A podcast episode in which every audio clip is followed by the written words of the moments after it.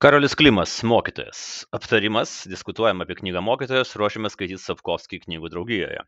Knygų apie švietimą ir mokyklą, kurios būtų skirtos ne mokytojams, mes neturime. Na, jeigu aš klystu, pataisykite ir nurodykite tokią knygą, nes švietimo problemos man visada buvo įdomios ir iki šiol man nesuprantama, kodėl pagrindiniai valstybės lyderiai joms skiria tik nominalų dėmesį, užuot sutelkę čia visą savo dėmesį ir įtaką. Karolio Klimo mokytojas yra knyga skirta visiems, kurie apie gyvenimą mokykloje žino tik iš savo praeities prisiminimų ir portalų straipsnių apie nelaimingus ir sugniuždytus abiturientus, kurie pasipila kiekvienais metais prasidėjus brandos egzaminų sezonui. Tai klasikinė coming of age konstrukcija, kurioje protagonistas, mokytojas, e, atranda savyje pašaukimą, susiduria su didžiulėmis problemomis, bet savo užsispyrimo ir talento dėka jas įveikia, triumfuoja ir būdamas šlovės viršūnėje pasitraukė įtaresni skaitytojai galėtų imti murmėti kad visa trumpa autoriaus karjera mokykloje buvo sukurta būtent tam kad jos pabaigą vainikuotų knyga jau tapusi bestseleriu įdomiausia knygos dalis jaunojo verterio kančios kai gyvenimo prasmės ieškantis idealistas ima dirbti mokykloje už septynis šimtus šešiasdešimt šešis eurus ar kažkiek tiek per mėnesį pameta valandų skaičių nebemiega susigadina skrandį ima skųstis nesibaigiančiais galvos skausmais ir į mokyklą kiekvieną dieną žengia kaip gladiatorius į kovą. Arenoje jo laukia ir mokiniai ir jų tėvai ir entuziastą skeptiškai žvelgiantys patyrę patyrę mokytojai bei administracija Santykių su mokiniais evoliucija aiškino pat pradžios. Žinai, kad mokytojas triumfuos, tačiau įdomu skaityti jų dinamiką. Daugam jį gali sukelti šoką, juk dabartiniai tėvai įsitikinę, kad jų aukseliai yra idealūs ir tie aukseliai puikiai jais manipuliuoja, patys būdami įžūlus nepraustaburniai, į mokytoją žiūrintis iš aukšto, galintis pasiūsti jį ant trijų raidžių, puikiai žinantis savo teises ir labai dažnai pamirštantis pareigas, įsivaizduojantis, kad nuolatinis tik toko feedo skrolinimas jiems kažkokiu būdu suteikia nesibaiginti išminties ir žinių šaltinį, o knygas skaito tik gyvenimo ar draugų neturintys turintys moksliukai.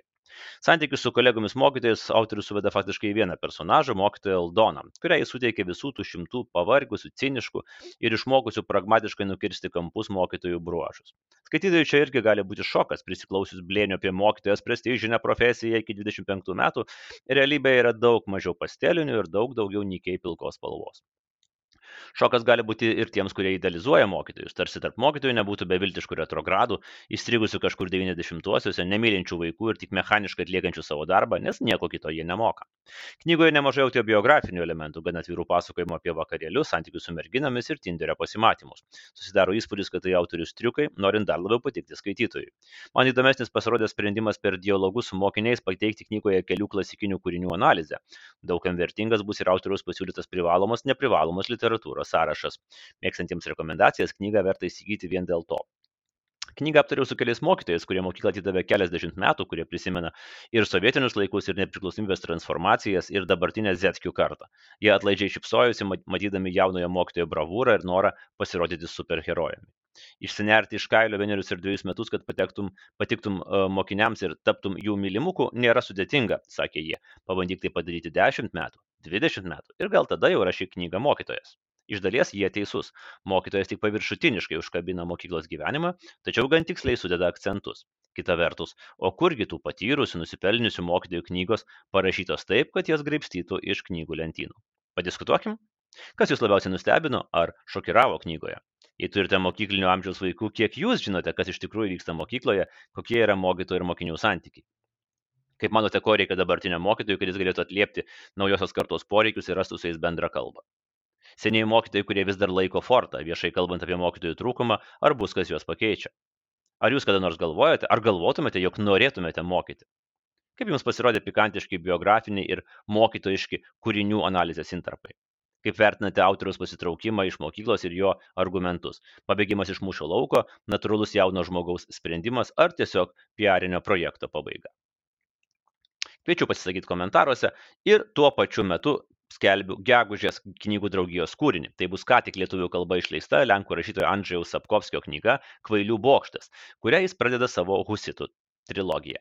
Sapkovskį turbūt daug kas geriau žino dėl jo raganiaus ciklo, kurį dar labiau išgarsina super populiarus ir labai geras kompiuterinis žaidimas Witcher 3, o jau į stratosferą pakėlė netoks geras, bet vis tiek žiūrimas Netflixo Witcher serialas. Jei nežinote raganiaus, dumkite į knyginą ir pirkite, nes tai tikrai viena geriausių fantasy žanro knygų.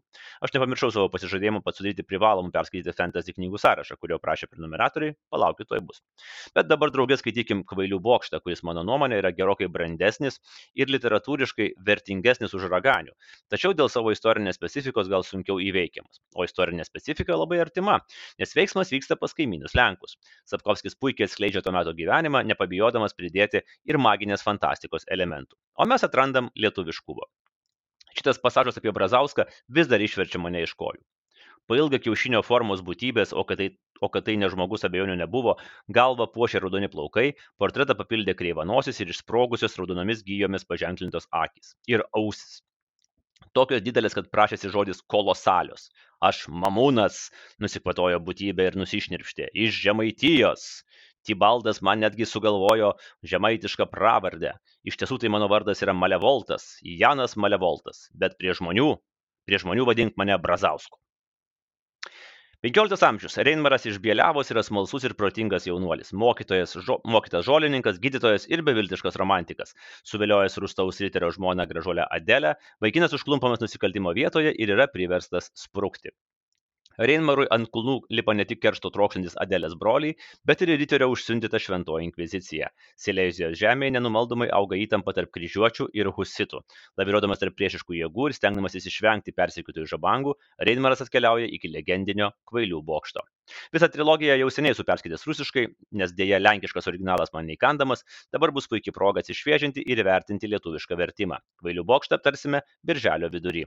Knygą galite įsigyti ir e, techninėje versijoje nu, gausite nuorodas, kur galima ją įsigyti. Pigiausiai atrodo, kad registruotiems skaitytojams siūlo almalitera.lt, o vaga, antroje vietoje vaga 19,32 euro. Gero skaitimo, pasimatysime knygų draugijoje birželio vidury.